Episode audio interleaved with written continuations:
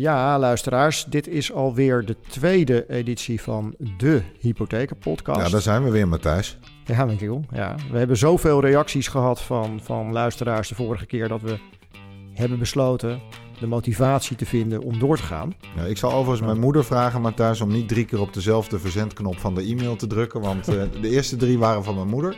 Maar daarna liep het storm. Daarna, dat was leuk. Daarna liep het storm. Vorige keer dus met, uh, met Sandra Flippen, hè, de hoofdeconoom van uh, ABN AMRO, over de economie gesproken. Maar vandaag gaan we het hebben uh, over verduurzaming. Ja. Maar eerst nog even, wat ja, niet iedereen weet misschien wie wij zijn. Tegenover mij zit Michiel Meijer, de algemeen directeur van Van Brugge Adviesgroep. Een prominent mag ik wel zeggen in de hypotheeksector met wie ik al heel lang samenwerk. Michiel, ja, ja, ja. daar gaan we weer. Hè? Ja, ja, Ik, dan, ik heb jou de vorige keer geïntroduceerd, dus dat zal ik nu ook doen. Hè, als Nog de, één keer dan. Hè? Ja. De ogen en oren uh, van de sector. Nou, de man die natuurlijk regelmatig op podia heeft gestaan en nog steeds staat. En dan een soort overview geeft waar we naartoe gaan. Nou, daar hou ik me ook altijd uh, angstvallig aan vast, want meestal zat je goed. En we hebben natuurlijk wel eens een aantal keren meegemaakt dat je ernaast zat, maar die waren echt op één hand te tellen. Ik heb wel voorspeld dat execution only wat groter zou worden dan ja, het maar, je, dat, dat, daar zaten we allemaal naast. Um, in het dagelijks leven, Matthijs, hou jij naast het opnemen van podcast en het uh, geven van uh, presentaties natuurlijk bezig met uh, op bezielende wijze aansturen van, van Yellowtail. En ik vind het heel erg leuk dat wij samen nou ja, dit, dit doen met elkaar. Overigens hebben onze zoons ook nog tegen elkaar gevoetbald afgelopen tijd. En ik ben blij dat dat regelmatig in een gelijkspel eindigt, zodat we hier kunnen blijven zitten. Ja. En vandaag, over groen gesproken, gaan wij het hebben over duurzaamheid. Duurzaamheid met niemand anders dan Jeroen Pels. Ja, die is er gewoon. Jeroen is er gewoon. Ja. En, en daar zijn we ook weer echt heel blij mee. Jeroen, uh, uh, gaaf dat je wilde komen. Jeroen, uh, dames en heren, voor wie hem niet kent, en dat mag eigenlijk niet dat je hem niet kent, maar hij is de man achter Triodos Hypotheken, directeur private banking en hypotheken in die volgorde um, van Triodos Nederland. Uh, en we gaan, ja, we gaan gewoon met Jeroen het gesprek in over het, het, thema wat onze sector natuurlijk ook heel erg bezighoudt. Verduurzaming en wat betekent dat nou eigenlijk voor die woningmarkt en hypotheekmarkt.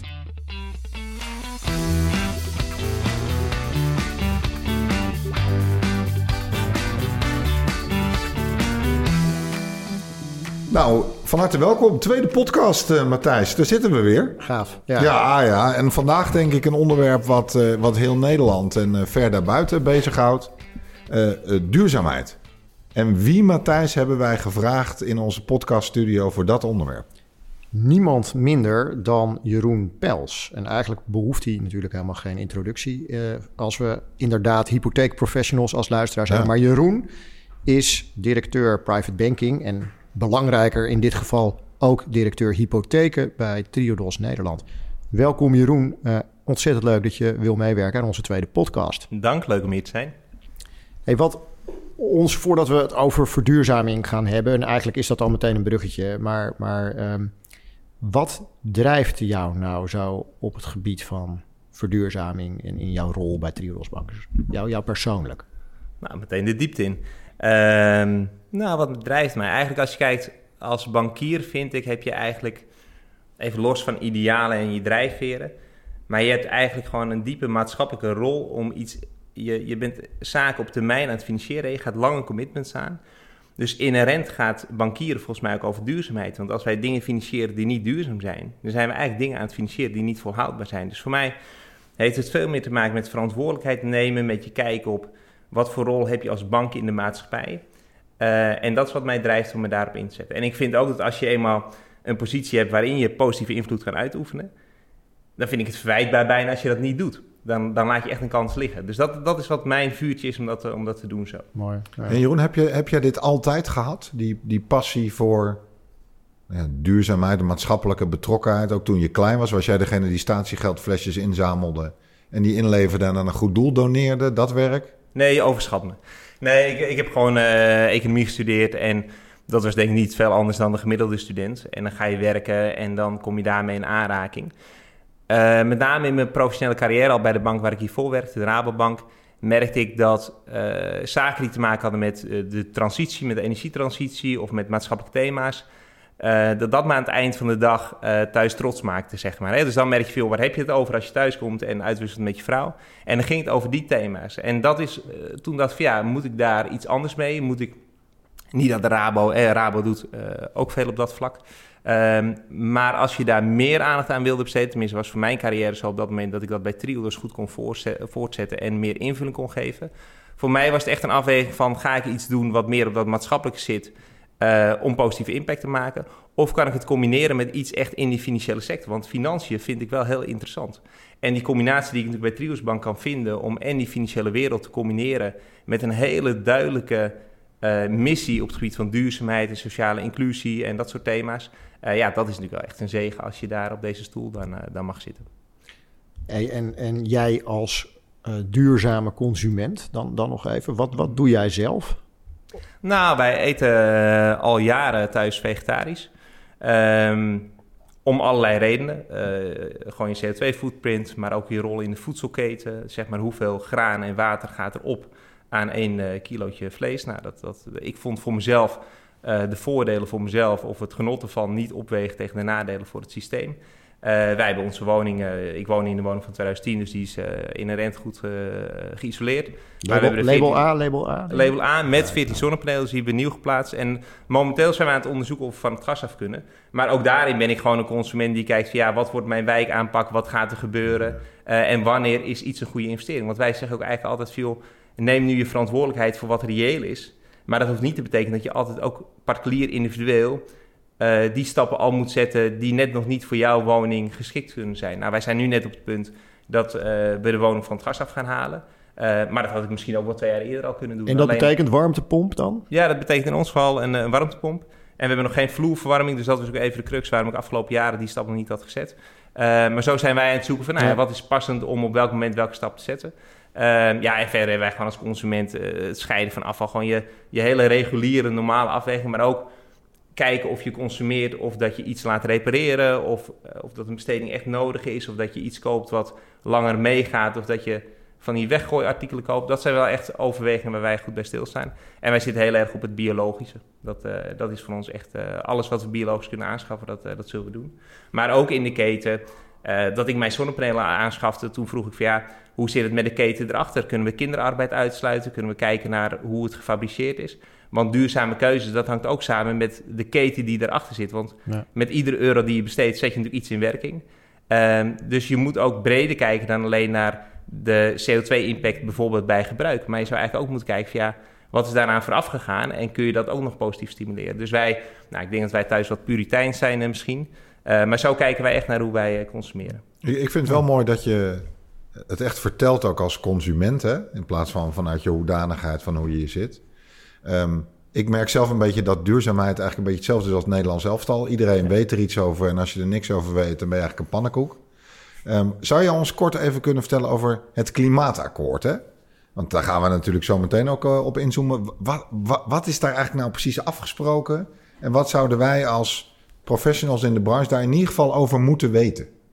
Ja, en, je, en, en, ik heb ergens gelezen, maar ik weet niet of dat dan waar is, oh, dat jij nauw betrokken was bij de totstandkoming van het klimaatakkoord? Ja, ik, ik was uh, deelnemer aan de klimaatafgebouwde omgeving. Dus de tafel die onder leiding stond van uh, Diederik Samsom. Uh, Kees Vendrik was overigens onze hoofdeconoom, was voorzitter van de elektriciteitstafel. En wij hadden ook nog collega Itske Lullof en die was betrokken bij de taskforce, uh, meen ik dat ze dat noemden, uh. Dus we zaten goed, uh, we zaten goed aan tafel.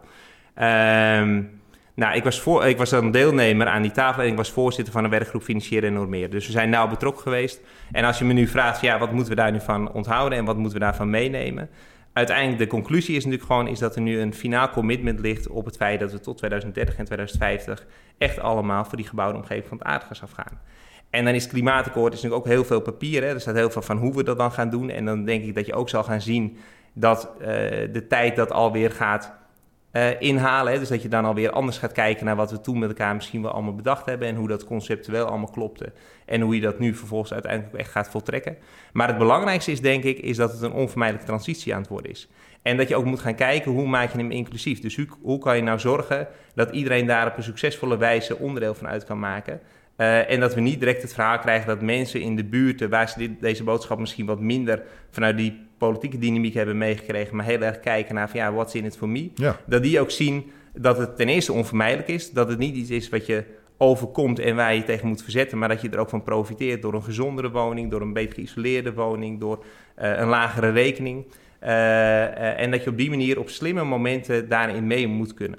Nou, en meer conceptueel vanuit het klimaatakkoord is het zo dat je gaat voor een slimme wijk aanpakken. Dus dat je gaat kijken van op welk moment ga je welk gebied nu van het aardgas afhalen en hoe ga je dat dan doen. En wat ik nu veel zie, is dat de discussie is van ja, een warmtepomp, moet je die wel of niet aanschaffen? Nou, het net over mijn eigen situatie.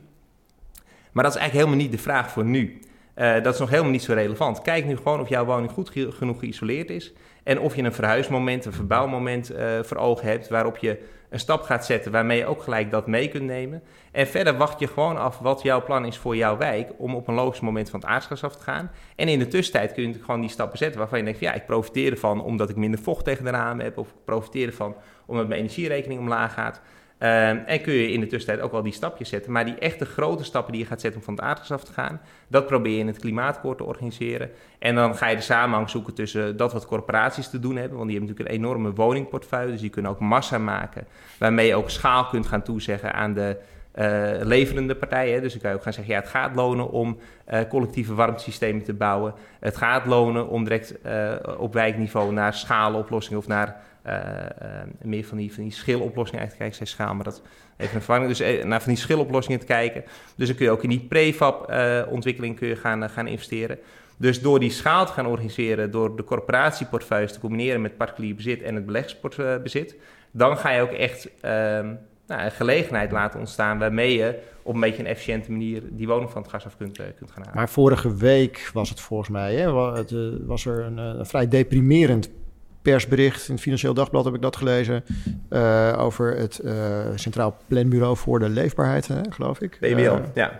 Um, of ja, nee, niet Centraal Planbureau, maar ja, wel, wel een planbureau ja. voor de leefbaarheid. En zij zeiden eigenlijk, um, het is helaas voor bijna niemand een business case. Voor bijna niemand rendabel om, uh, uh, om die stappen te zetten die voor het klimaatakkoord nodig zijn. Nou, en sterker nog, wat, dat, wat, dat stond niet alleen maar in het FD.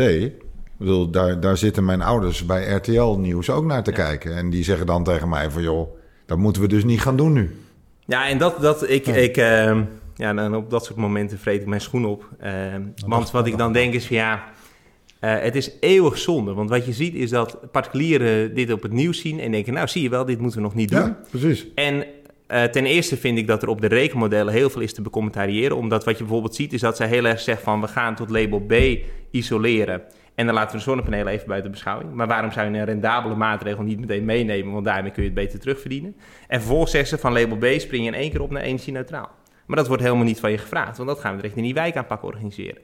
Dus ze gaan vrij ze kijken vrij rigide naar hoe je dan die transitie inzet. Terwijl ik denk, als consument ga je veel meer kijken naar wat rendeert en wat rendeert niet. Misschien ga ik wel beneden op mijn begane grond uh, trippelglas aanschaffen, maar doe ik het op de eerste etage niet. Want daar is wat erin zit, is nog goed genoeg. Of uh, doen we alleen de uh, ruimtes waarin we leven. Maar dat, dat, die doorrekeningen die ik daarvan gezien heb, ik heb dat hele rapport natuurlijk van A tot Z doorgelezen. Uh, daarin zie je dat het een beetje one size fits all is en dan moet het voor iedereen rondrekenen. En wat je dan ook nog eens een keer ziet gebeuren, is dat wat ze doen, is dat ze zeggen: ja, als dat dan niet helemaal uh, kostenneutraal uitpakt, dan is het een betere optie om het niet te doen. Maar als je aan de andere kant kijkt, als je woning nou ook iets meer waard wordt mm. en hij wordt comfortabeler en je hebt een verhuismoment en je weet dat hij op een gegeven moment van het gas af moet, dan is het toch geen optie om niet te investeren. Want we moeten ook niet doen alsof we direct alle isolatiemaatregelen kunnen gaan subsidiëren.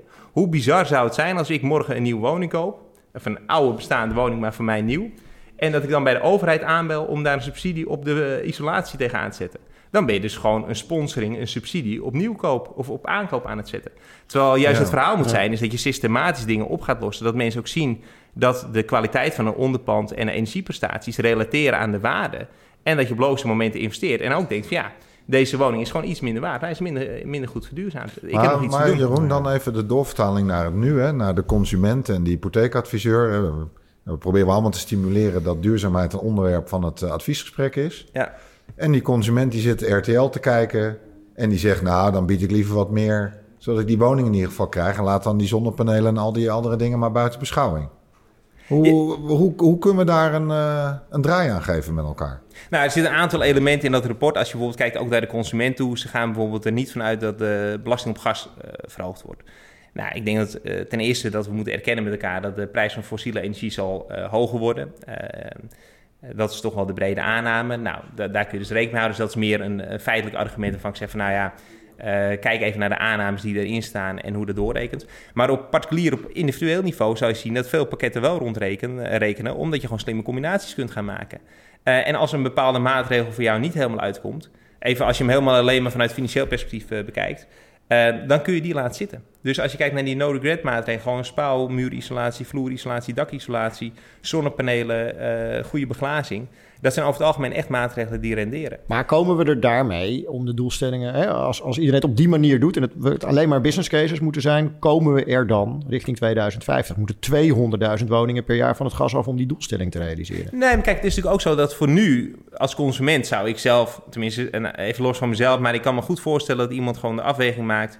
Um, als je gewoon maandelijks moet kijken hoe je de, de, de maandlasten rond krijgt. Hè. Ik bedoel, voor veel mensen geldt gewoon dat, je, dat iedere maand het inkomen binnenkomt. En dat je dan moet kijken hoe spreid je het uit, zodat je aan het eind van de maand uh, gewoon alles bekostigd hebt.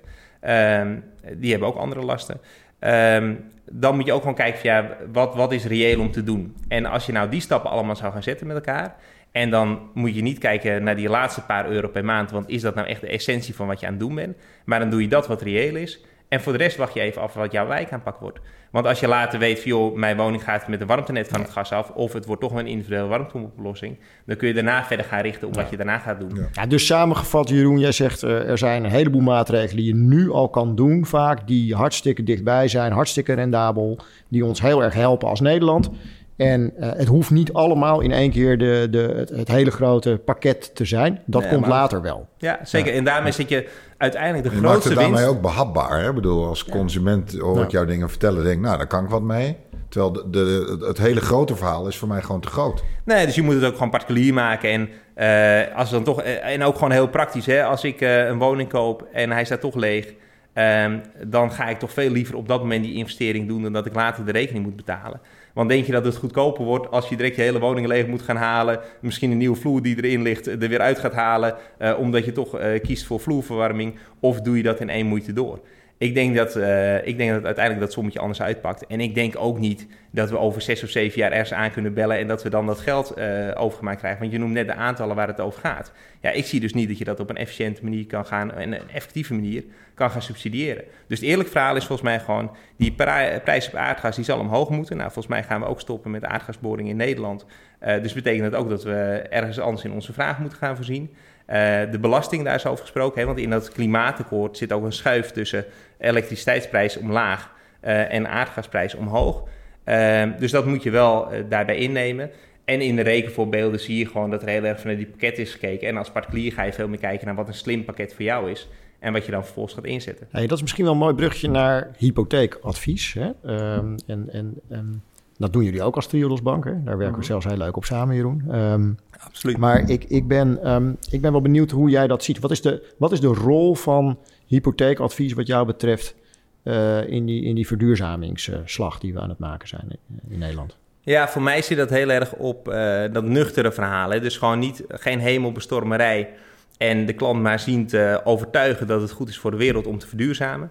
Maar gewoon doorrekenen. Hè? Dat is ook wat wij met elkaar aan het bouwen zijn. Wat zijn de financiële effecten van investeren? Dus op netto uh, maandlastniveau. Uh, wat zijn de netto maandlasteffecten op het moment dat je die investering doet in duurzaamheidsmaatregelen? En dan vind ik ook wel dat je de verantwoordelijkheid hebt om te laten zien: van ja, je kan die investering nu niet doen. Maar dat betekent niet dat je de last niet hoeft te dragen. Want je kan wel zeggen: ik ga die investering nu niet doen. Dan ontneem je zelf een aantal jaren uh, lagere energielasten. En later ga je alsnog die rekening betalen, want we gaan van het aardgas af. Dus dat is ook een beetje het vreemde met het PBL-rapport natuurlijk. Uiteindelijk moet je toch investeren. Dus wat je in die tussentijd had kunnen besparen, moet je eigenlijk optellen bij de rekening die je op dat moment betaalt. Als die investering toch te doen is. Um, dus ik denk ook dat als je zeg maar een, op lange termijn, zoals je kijkt naar total cost of ownership, dan zou je die som van PBL ook op die manier nog kunnen weerleggen, omdat je in die tussentijd dus je energiebesparing ontneemt, terwijl je later alsnog diezelfde of een hogere investering te doen hebt. Dus voor mij gaat het als financieel adviseur gaat het heel erg om laat nu die klant zien dat er echt een beweging gaande is waarvan, waarbij woningen van het aardgas afgaan. Dat dat niet betekent dat iedereen individueel naar een warmtepomp toe gaat, maar dat je dat even moet afwachten totdat die regionale energiestrategie, zoals, zoals ze dat noemen, is uitgerold. En dan ga je kijken, joh, als particulier nu, je gaat een woning kopen. Wat is voor jou verstandig aan investeringen en hoe kijk je naar je eigen wooncomfort en leven? En, en dat doen jullie al zo bij Triodos Bank? Wij, wij doen het eigenlijk al jaren, alleen nou, daar, daar bouwen we nu samen aan. Uh, we hadden dat niet helemaal geautomatiseerd. Want dat kun je ook gewoon... Kijk, voor ons werkt het heel goed om gewoon de berekeningen vanuit uh, RVO, et cetera, meer erbij te pakken. En wij sturen altijd een energiebespaaradviseur langs. En dan keken we naar die business case en dan, uh, nou, dan brachten we dat op die manier in het gesprek. Maar wij hebben zelf natuurlijk het verhaal naar de sector toe, waarin wij zeggen: integreer het nou echt in je adviesmodel en integreer het in je online dat zeg journeys. Jij, dat zeg je al lang, hè? Ja. Jij wil het vast onderdeel laten zijn van elk adviesgesprek. Ja, en dat hadden wij ook al, alleen wij hadden het nog niet geautomatiseerd. En nou, op een gegeven moment vind je ook wel dat je het aan je eigen stand verschuldigd bent, verplicht bent. Uh, om dan te laten zien van, joh, als je dit gewoon helemaal... Als je het echt als je zorgplicht ziet, en wat wij ook inderdaad al jaren zeggen... ja, dan moet je het helemaal gaan integreren. En wat wij natuurlijk zelf doen, maar dat is, dat is bankbeleid Triodos... is dat wij zelf op een gegeven moment gezegd hebben... voor ons is nu genoeg. Wij gaan niet alleen maar meer, meer, meer lenen om te verduurzamen... maar wij zeggen ook van, ja, als je niet gaat verduurzamen... dan betekent het dat er een claim op die woning ligt naar de toekomst. Dan gaan we ook gewoon minder uh, lenen als je boven label C blijft... en niet die stappen zet die je nu verantwoord kan maken. Omdat we weten dat je over een paar maanden of over een paar jaar opnieuw op de stoep staat, omdat er toch bijgefinancierd moet worden. Dit is, dit, is wel, dit is wel een heel belangrijk punt, hè, Jeroen. Want, want uh, jij praat erover alsof het voor, van, hè, vanzelfsprekend is. En is het voor Triodos Bank denk ik ook vanzelfsprekend. Maar ik zie in de markt, als ik naar financieel adviseurs, onafhankelijk financieel adviseurs kijk, heel veel pakken het nog niet op. Hè? Die vinden het moeilijk, ver weg, uh, lastig om te integreren. Ja, uh, of, misschien, of misschien, misschien, wat zijn jouw ervaringen? Ja, of er ontstaat in mijn optiek een oneigenlijk businessmodel achter dat ze het wel oppakken, maar dat je allerlei kickback fees ziet ontstaan. Toch van provisie, partijen. stiekem toch maar provisie. dat- ja, ja. En iedereen weet ook wat ik daarvan vind. Ik vind het te, te bizar voor woorden dat er clubs zijn die je 1000 euro betalen als jij via hun de zonnepanelen en andere, die, die duizend wordt door die consument betaald. Ik vind wel dat steeds meer adviseurs met het onderwerp bezig zijn en het met consumenten bespreken. Nog steeds niet allemaal, maar dat zijn er wel steeds meer. Absoluut. Maar dat er wel, en dat is eigenlijk meer hoe Jeroen het klein maakte, dat soms het verhaal nog te groot is. En adviseurs vinden dat, die weten dat ook allemaal niet. Regionale aanpak. Denk ik, ja, als mij dat gevraagd zou worden, ik zou ook niet weten wat ik mijn buurman nu moet Ik adviseren. sprak uh, toevallig vorige week, uh, ja, ik zal geen, geen namen noemen, maar, maar een, uh, een, een, partij die daar ook mee bezig is, die zijn als hypotheekkantoor begonnen. Hebben dit zich echt eigen gemaakt van hoe integreer ik nou de verduurzamingsadvies op een pragmatische manier met hypotheekadvies. Gaat in 80 tot 90 procent van de gevallen willen klanten daar ook zelfs iets extra voor betalen, gewoon om beter advies te krijgen. Die heeft daar een concept van gemaakt, dat noemt hij best duurzaam. Hij zit in best. Uh, hij zegt maar, we zijn niet heel duurzaam, we zijn best duurzaam. En dat is eigenlijk precies jouw visie, Jeroen, van doe nou even gewoon die dingen die dichtbij liggen in eerste instantie. We hoeven het niet ongelooflijk ingewikkeld te maken. Uh, en, en dat werkt voor heel veel uh, financieel adviseurs wel heel goed. Ja. Hey, maar even ervaringen bij Van Brugge, Michiel, misschien jij... nou ja, dat je hard ziet oplopen het aantal adviesrapporten waarin een duurzaamheidsoplossing is vastgelegd. Wat is, wat is het percentage Nou, ik denk dan? dat uh, als je nu kijkt, dan komen we zeg maar, pak even vergelijking met twee jaar geleden. Zaten we twee jaar geleden misschien max op 15% van alle adviezen waarin het überhaupt aan de orde gesteld was. Ja. En dat ligt nu zo rond de 40. Nou, nee, dat is wel serieus. Ja, en nog steeds te weinig, hè, in alle eerlijkheid. Heeft te maken met ook de interesse die bij de adviseur vaak onvoldoende is... en die die ook dan niet over kan brengen op de consument. En ook natuurlijk de overspannenheid waarin we op sommige plekken in de woningmarkt zitten.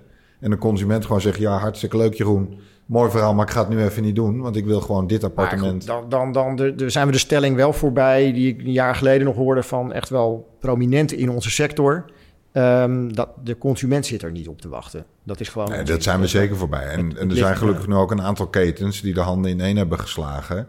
Uh, onder aanvoering vind ik wel ook van Mark de Rijken van uh, CMIS. Die gezegd hebben: voor ons is duurzaamheid gewoon. Die moeten ook nog een keer uitnodigen. Een elementair onderdeel van het gesprek. Ja. En daar tekenen, daar tekenen ook gewoon alle adviseurs voor. Ja. Dus daar ga je straks ook op auditen. En dan zeg je, joh, het is niet besproken. Nou, dan staat daar dus een sanctie op. En Jeroen, ja, 40% daar, daar lag jij om, denk ik. Jullie doen 100% Ja, wij doen 100% Maar dat is ook wel... Ehm, Misschien ook doelgroep, hè? wij zijn natuurlijk wij zijn er voor opgericht. Self-fulfilling prophecy heet dat. Ja, nou ja, maar dat is ook het type klant, denk ik. Wat, Ja, het type klant, maar ook onze medewerkers. Kijk, ehm, wij werven eigenlijk ten eerste op zeg maar, de overeenkomsten met onze missie en onze idealen. Ehm, dus dat betekent dat bij aanvang medewerkers daar al op intekenen. Ehm, dus zij staan er altijd voor klaar om dat in hun advies mee te nemen. Dus dat, is bij ons ook geen gesprek. Maar het is ook wat de klantgroep van ons verwacht. Dus ik neem mezelf niet als norm naar de ander van zo zou je het moeten doen. En daarom zeg ik ook, kijk, wij hebben ook heel veel klanten als we kijken naar biodiversiteit, natuur inclusief bouw en dat soort zaken. Ik denk dat, dat wij nog wel weer stappen verder gaan. Hè? Dus dat we ook naar andere opties kijken. Dus wij hebben ook een klantgroep waarbij je ook zonder die sommetjes te maken kunt zeggen van ja, ga gewoon van het gas af, want dat is wat we met elkaar delen. Dat is ook hoe ik er zelf voor mezelf in zit. Maar als ik kijk naar hoe het voor, het hele, voor de hele markt gaat werken, moet je hem gewoon kleiner maken, particulier maken, eh, meer particulier maken en moet je zorgen dat je ook schaal gaat vinden daarin. En dat doe je met het nuchtere verhaal en met het financiële verhaal. En dan ben ik heel blij met te horen wat je zegt. En wat ik ook van die discussies vanuit het verleden goed herinner, is dat het dan ging alsof we onze idealen naar de ander toe willen overbrengen. Maar dat is helemaal het gesprek niet. Volgens mij zit er helemaal niemand te wachten op een bankier die jou gaat zitten begeisteren. Volgens mij zit je als consument gewoon te wachten op een uh, bankier die jou goed informeert over een hypotheekadviseur, die jou goed informeert, die jou de financiële effecten laat zien. En zeg maar dat, dat verhaal vanuit idealisme, leuk als je dat hebt, want dat kan je wat bevlogenheid geven in het gesprek. Maar het moet niet gaan over de klant maar inspireren om te verduurzamen. Het moet gewoon het eerlijk verhaal zijn. Uh, veel meer vanuit een zorgplichtkarakter, ja. veel meer vanuit financieel perspectief. Want dan word je ook geloofwaardiger. En dan krijg je ook meer, dus meer vanuit je eh, statuur als adviseur. Is dat wat volgens mij van je verwacht wordt. En, dat, dat, en dan een beetje kennis van die wijk aanpakken. Dat is helemaal niet zo ver te gaan over die regionale energiestrategieën. Maar weten dat er een natuurlijk moment komt dat een wijk van het aardgas afgaat. En dat de overheid gaat bepalen wanneer dat gebeurt en op welke wijze. Dat is al genoeg om te zeggen, ja, dan moet je wel label B hebben. Want dan ga je niet meer uh, met die temperatuur verwarmen als dat je nu doet. Dat is eigenlijk het verhaal. Uh, op het moment dat je op een andere manier gaat verwarmen, dan betekent het gewoon dat er een lagere temperatuur door jouw woning heen gaat. Dus je woning moet beter geïsoleerd zijn, want anders krijg je niet op de temperatuur ja. waarop je comfortabel kan leven. Zou het, zou, het, zou het verplicht moeten zijn eigenlijk gewoon? De het, de AFM het... gewoon zegt van joh, ja, arbeidsongeschiktheid uh, moeten we naar kijken, overlijdensrisico. Moeten we niet ook gewoon naar, naar verduurzaming uh, gaan kijken? Of vind je dat te ver gaan? Nou, ik, uh, ik denk op termijn zou het verplicht moeten worden als we het nalaten. Maar ik zie heel veel positieve beweging, ik zie veel tractie. En ik denk dat alles wat je meer vanuit je hart doet en wat we zelf dragen en wat we echt gaan doen, dat is krachtiger dan dat we ja. instrumenteel aan verplichtingen gaan. Ja. Dus ik, ik heb ook zoiets van laten we gewoon met elkaar als sector de bal aan de voet houden. En zorgen dat we dat zelf bewijzen en neerzetten. En um, uh, dan hebben we helemaal geen verplichtingen. Ja, maar nou ben ik hypotheek... Maar even, even bij dat hart ja? blijven, hè? dat vind ik een hele mooie. Waar we dan natuurlijk met elkaar wel van moeten waken... is dat we de oneigenlijke verdienmodellen daarachter... dat we daar met z'n allen wel scherp op blijven. Want het valt mij ja. toch op hoe normaal we het weer met elkaar gaan vinden... dat als ik een uh, cliënt uitbesteed die wil verduurzamen... dat ik daar 500 euro voor terug verwacht of 1000 euro voor terugverwacht van de leverancier nou, dat, van de zonne. Dat is dit, toch eigenlijk van de gekken? Dit moet je gewoon keihard verbieden. En mensen ja. die zo met hun praktijk omgaan, nou, daar vind ik denk ik ongeveer hetzelfde van als wat jij vindt. Ja, dan, ja. En het is ook niet, het is niet transparant, het is niet eerlijk, want ik heb nog nooit een, een dergelijk model gezien waarbij die verdienmodellen eerlijk gepresenteerd worden aan die klant. Nee. Want het is allemaal achter de schermen, dus niemand ziet wat voor commissies er heen en weer gaan. Uh, en vervolgens wordt het geïntegreerd in de maandlasten, wordt het op 30 jaar meegefinancierd, waardoor je zegt, nou mevrouwtje, wat kost het nu per maand? Waarmee je die klant met een kluitje in de riet stuurt, jij verdient er extra uh, uh, inkomsten op. Uh, en die klant heeft veel minder financieel voordeel, veel minder rendement dan wat hij anders zou hebben. En dan verweef je het toch in je financieel advies. En dan vind ik dat het daarmee ook onder je zorgplicht valt en onder je WFT. Ja. Omdat je het zelf inbedt. Kijk, als je het goed scheidt, dan is ja, dat wat anders. vind ik wel, Jeroen, dat um, een adviseur het eventueel wel in zijn adviesnota zou mogen meenemen. Als het maar transparant is, toch? Precies. Ja. Als hij één Fair of twee uur besteed heeft aan het uitleggen. Er gaat ook tijd in zitten. En, waar, en je voegt waarde toe. Dus ik, ik denk dat dat legitiem is. Maar we moeten, we moeten niet terug naar een soort verkapt provisietijdperk. Nee, wat we net de, achter ons de hebben gelaten. oneigenlijke verdiensten moeten we echt ja. met de wortel maar. Als ik heel eerlijk ben, één of twee uur advies over verduurzamen. Ik heb het nog nooit gedaan hoor. Ik bedoel, ook als je kijkt, kijk, als je gewoon ziet naar je, een, klant koopt een woning, je, je tovert even die woning met elkaar op het scherm, je loopt even door van, joh, wat zouden no regret maatregelen kunnen zijn. Uh, vervolgens adviseren om een keer een energiebespaaradviseur over de vloer uh, uh, te laten komen, zodat die klant goed inzicht krijgt. En dat verweef je in je advies. Dus het enige wat je als financieel adviseur uiteindelijk doet, is kijken van wat is de investering, als je uh, er zuiver in zit, zou je nog kunnen kijken van nou, wat is de technische levensduur, zodat je de uh, looptijd van je hypotheek daarop aanpast op de mhm. lening die je pakt. Uh, en dan ga je kijken wat bespaar je per maand en wat kost het je. Nou, dat sommetje maak je. Nou, dat ben je de hele dag aan het doen, hè, want we maken allemaal sommetjes met elkaar en we rekenen allerlei scenario's door. Dus als je dat gewoon goed aanpakt, goed aandacht geeft, nou, laat het een kwartier kosten, dan denk ik echt dat je er bent. En ik vind best wel dat je mag zeggen van, joh, als wij een energiebespaaradviseur bij jou over de vloer laten komen, of als wij iemand weten die daar heel geschikt in is en wij kunnen dat op die manier combineren, dan laten we zien dat dat iets kost en dat wij daar ook nog iets uh, voor meenemen. Triodos doet dat overigens niet, maar dat kan ik best wel zien. Zeker ook als intermediair kan ik me heel goed voorstellen dat je zegt, ja, dit is wel extra, als we dat gaan doen, maar mannen, moet er nou, iets tegenover nou Maar dat kost echt geen twee. Nou moet er ook een beetje van die roze wolk af, hè? want, want um, we hebben ook wel wat geleerd. Ik bedoel, Neem woonlastenverzekering. Daar heb ik toevallig uh, afgelopen maanden uh, veel tijd aan besteed om, om, om dat eens goed te begrijpen. Dat was een markt uh, in het provisietijdperk waar ongeveer 50% van de mensen die kregen een woonlastenverzekering. Um, nou, je zou bijna kunnen zeggen aangesmeerd, hè, want niet iedereen had hem nodig. Daar ging best wel, dat was heel provisiegedreven. was een beetje too much. Nou, dat, Matthijs, um, daar zat natuurlijk bij sommige geldverstrekkers ook een rentekorting. Ja. Stond daar tegenover. Dus je moet dan wel appels met appels vergelijken. Nee, maar, maar, maar, weet je, provisieverbod, die producten zijn eronder geschaard. Provisie mocht niet meer. Mhm. Nu, 2 tot 3 procent van alle hypotheken wordt een woonlastenverzekering bijgesloten. Dus zeg maar, het gebeurt gewoon niet meer. Die producten zijn in de tussentijd hartstikke verbeterd. We hebben nu in de coronacrisis geleerd dat er best wel veel mensen baat bij gehad zouden hebben als ze zo'n product zouden hebben gehad. En best wel veel geldverstrekkers zouden daar baat bij hebben gehad. Ja, want Dus dat is weer de andere kant. Hè. Als in deze, met wat ik wil zeggen is, in deze sector lijkt het wel zo te zijn, als er geen verdienmodel lijkt te zijn, dan wordt er ook niet geacteerd vanuit financieel advies hoe belangrijk dat voor die consument ook kan zijn.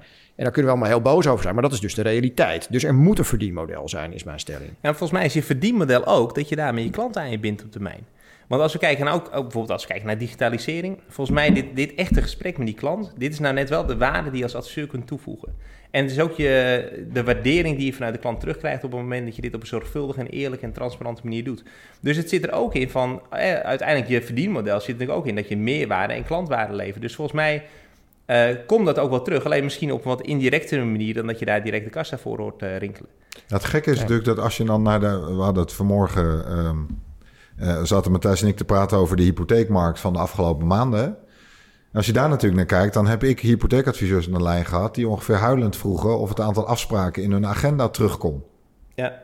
Dus ja, die, die luisteren hier dan naar. Die denken, nou, als we die situatie van voor de zomer weer oppakken, dan uh, is waarde leveren belangrijk. Maar ik heb klanten zat in de agenda staan. Ja, maar aan de andere kant, als we kijken naar de kans uh, dat je tijdens de looptijd van je hypotheek arbeidsongeschikt raakt of overlijdt of, of anderszins uh, met enig leed geconfronteerd wordt, wat zoveel impact op je financiën heeft, uh, dat nemen we uiterst serieus. Dat rekenen we in allerlei scenario's door, doen we heel precies over.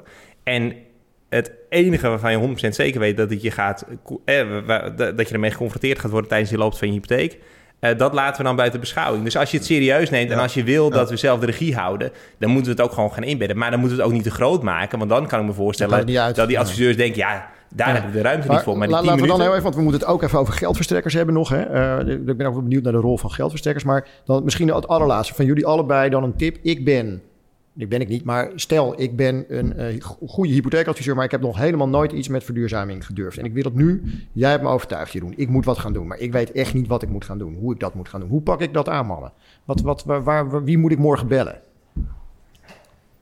Uh, wie moet je morgen bellen? ja, ik weet niet hoe ik dat moet gaan doen. Nou, ik denk dat je eerst uh, even online moet oriënteren op welke mogelijkheden er zijn om duurzaamheid mee te nemen, want je bent hypotheekadviseur in het voorstel wat je een eventuele klant gaat doen.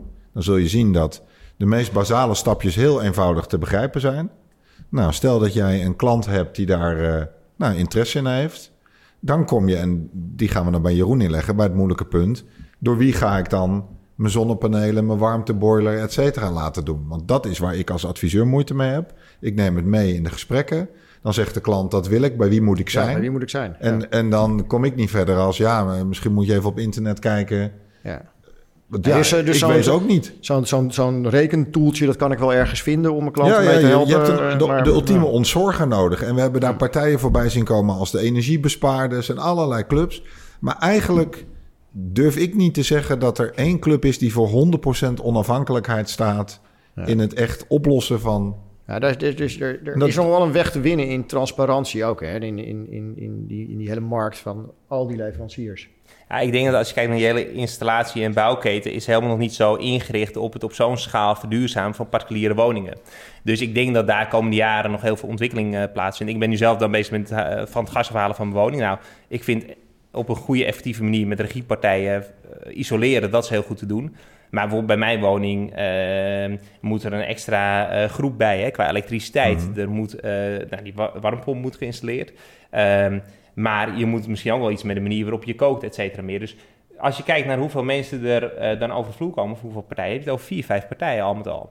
Ja, en dat is gewoon niet te doen. Je zou eigenlijk één soort hoofdaannemer moeten hebben die Ja. dat allemaal regelt, Een soort die één prijs regisseur. voorlegt. Jouw ik heb andere ra- radiatoren nodig. Nou, kunnen ze wel de berekening maken voor hoe dat eruit moet zien, maar niet eh, eh, dat ook leveren. Ja, en eigenlijk zoek je iemand die dat in één keer mee eh, kan nemen. Nou, ze zijn er wel, maar dat moet wel eh, goed moet- gepresenteerd ja. en dat moet meer. eh, er valt nog veel waarde, valt nog Ja. veel waarde toe even- wij, gekke- moeten, wij hebben nog maar een paar minuten. Echt hè? waar, maar ik wil nog even één gekke metafoor dan maken. Eh, Jeroen, ik vergelijk het eigenlijk altijd met een uitvaartverzorger. Want eh, op het moment dat er iets... eh, ik, ik kom te overlijden, dan moeten mijn... degenen die achterblijven, die moeten alles gaan regelen. En dan ben je eigenlijk heel blij dat je een uitvaartverzorger kan bellen... die de kist, alles regelt. We moeten er naartoe dat er een betrouwbaar iemand is... waar ik tegen kan zeggen, dit wil ik... en dat wordt de regisseur van mijn duurzaamheidsoplossing.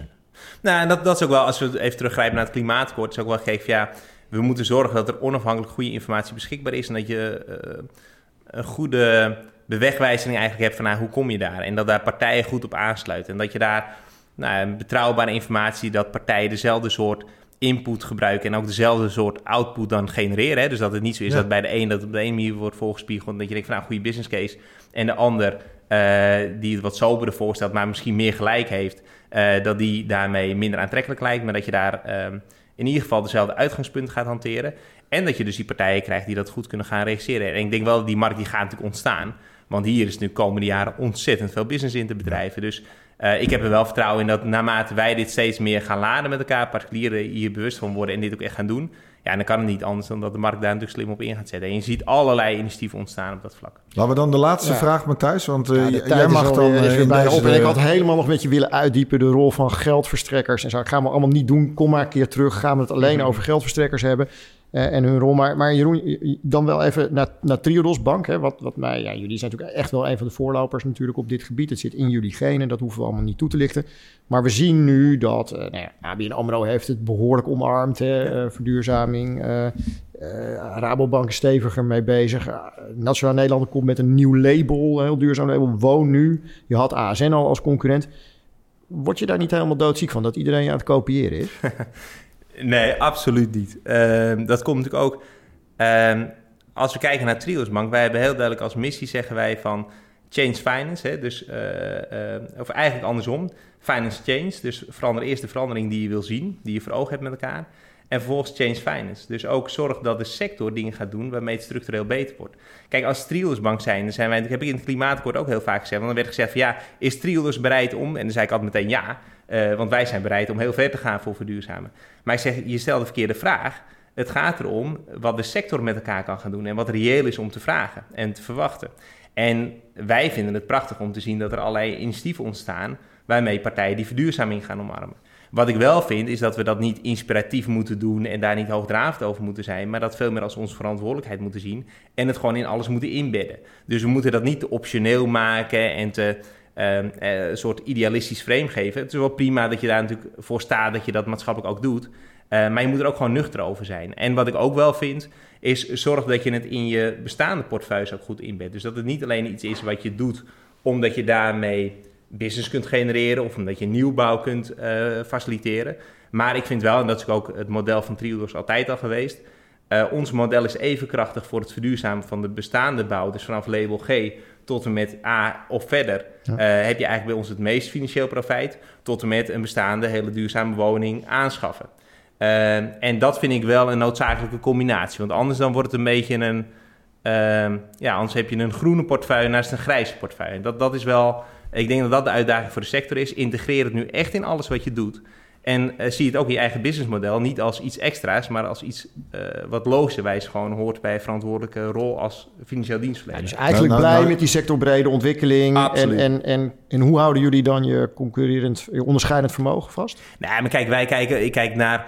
eh, kijk, mijn hart gaat echt sneller kloppen van eh, collectief particulier opdrachtgeverschap. Van mensen die bepalen hoe hun eigen wijk eruit gaat zien. Van natuur inclusief bouwen, van Ja. passief Dus, bouwen. de befaamde CPO's, eh, Martijn, daar, daar, daar word jij eh, vrolijk van, Matthijs.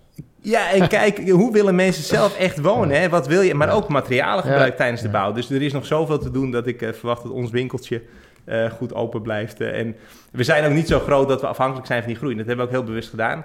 Wij willen niet een hypothekenbank zijn. Dus we, we, we willen gewoon een leuke steek hebben. En dat hebben we. Ehm, maar ik denk dat als onze ambitie was geweest om daar heel erg in te groeien... dan hadden we daar wat meer uh, stampij over gemaakt. Even afronden. Ik zit eh, naar Jeroen te kijken. eh, voor de luisteraars, hij, hij meent het ook echt. En hij is nog heel chic, want hij had natuurlijk Matthijs op jouw vraag ook kunnen antwoorden van... Goh, zijn jullie dan bang voor de ontwikkelingen bij de andere banken? Had het antwoord van Jeroen ook kunnen zijn. Heb je alles in de parkeergarage van ING, Rabobank of ABN AMRO gekeken... en vergelijk dat met de parkeergarage van Triodos... en je ziet wat het intrinsieke verschil is? Heel chic, eh, Jeroen. Dank voor jouw eh, aanwezigheid hier. Nou, daarmee eh, komen Ja. wij aan het einde. Matthijs. Ja, super Jeroen dat je er was. Ehm, ja, we zijn helaas alweer aan het einde gekomen. Ook hier weer geleerd. Ik heb veel meer vragen dan ik heb kunnen stellen. Maar anders verliezen we toch denk ik ook de aandacht van onze luisteraars. Jeroen, ontzettend bedankt. Ehm, dank. en we gaan zeker nog een keer eh, ergens in de toekomst dit opnieuw doen. En eens eventjes eh, de vragen die we niet hebben kunnen stellen. Leuk. pakken. Dankjewel. Dankjewel. Matthijs, ik vond het eh, enerverend om, om met Jeroen duurzaamheid van heel groot naar tastbaar en klein te maken. Ja, ja, dat viel mij ook op. Die, die eh, toch wel gewoon ook pragmatische benadering die ik er in, in, in terug zie komen. Ja, ik vind het is- eh, knap van die Noord-Hollander. Dat hoor je ook nog heel mooi, vind ik, in het accent door. Dat hij het lekker tastbaar maakt en ook zijn eigen woning erin betrokken heeft. Heb jij er wat aan gehad vandaag? Eh, heel veel, ja. ja ik, eh, ik, ik ben zelf ook veel met verduurzaming bezig. Ik zal het, eh, het verhaal nu helemaal besparen. Maar ik heb wel 34 zonnepanelen. En daarvan eh, zijn er al een keer eerder, nadat ze er een maand op lagen, 34 gestolen. Dus Ja. het is een gewild object, kan ik jullie eh, ver- vertellen. En, en de verzekeraar heeft dat overigens keurig terugbetaald. Eh, Oké, maar jij bent dus eh, de enige woning in de Bijlmer met 34 zonnepanelen op het dak die er ook weer afgehaald worden. Nou, ongelooflijk knap. jij bent wel eens bij mij thuis geweest, hè? Michiel? Meerdere Eh, keren. dat is niet te bijl, jongen. hey, maar eh, ik denk dat we geslaagd eh, zijn in het, eh, het onderwerp bespreekbaar en tastbaar maken. En dat ons dat ook weer de boost en de energie geeft voor de volgende podcast. Ja. Dus ik zou eigenlijk alle luisteraars van nu en van de eerste willen uitnodigen om ook met ons mee te gaan naar de volgende podcast. Die we snel weer zullen aankondigen en waar mensen dan weer met alle plezier en energie naar kunnen luisteren. Ja, en vergeet hem niet te delen, hè, die podcast. Als je hem hebt geluisterd en, eh, en je denkt van jeetje, die, eh, daar ken ik nog wel wat mensen voor die dat ook moeten horen. Doen, hè, delen. Dat is helemaal op prijs. Zeker.